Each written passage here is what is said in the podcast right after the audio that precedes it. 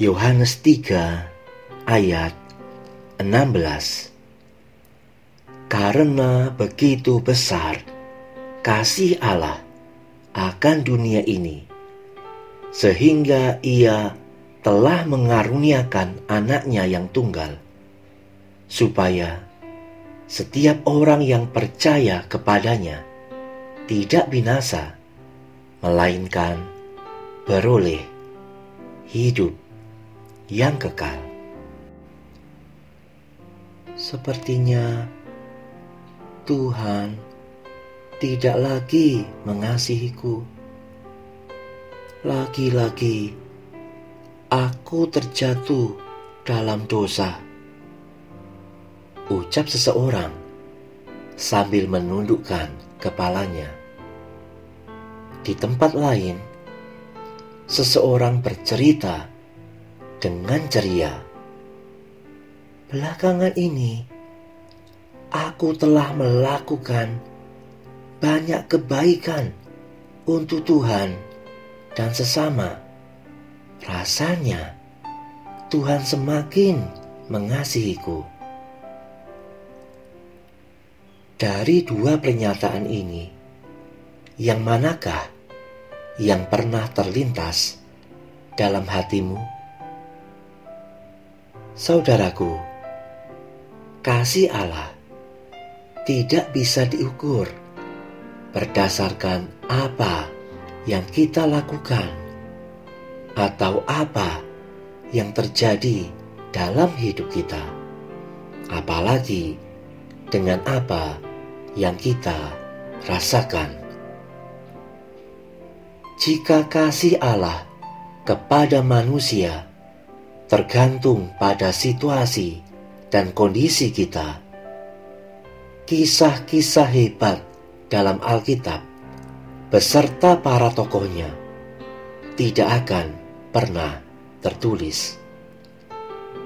Daud pernah berzina dengan istri orang lain dan mengatur pembunuhan suami wanita tersebut.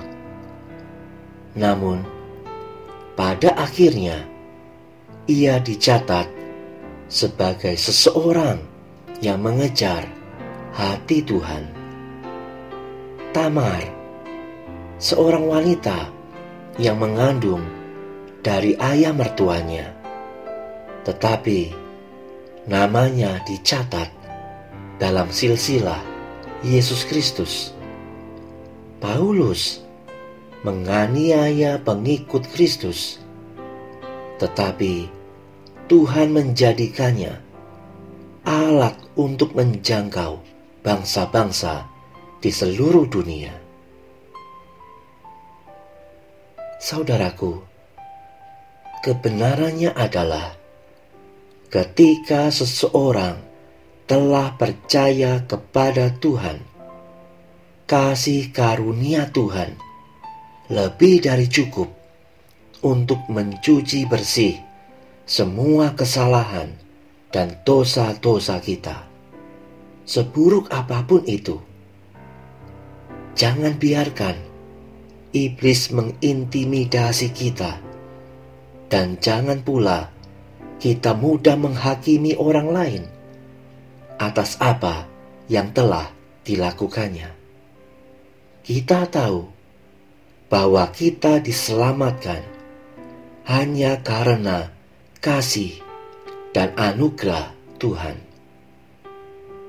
Setelah kita mengalami kasih Allah dan memiliki pengertian yang benar tentang kasih Allah yang tak terukur itu, biarlah kita hidup semakin sungguh-sungguh lagi mengasihi Tuhan dan melakukan kehendaknya. Saudaraku, mari renungkan betapa Allah sangat mengasihimu dan menerimamu. Bersyukurlah untuk hal itu.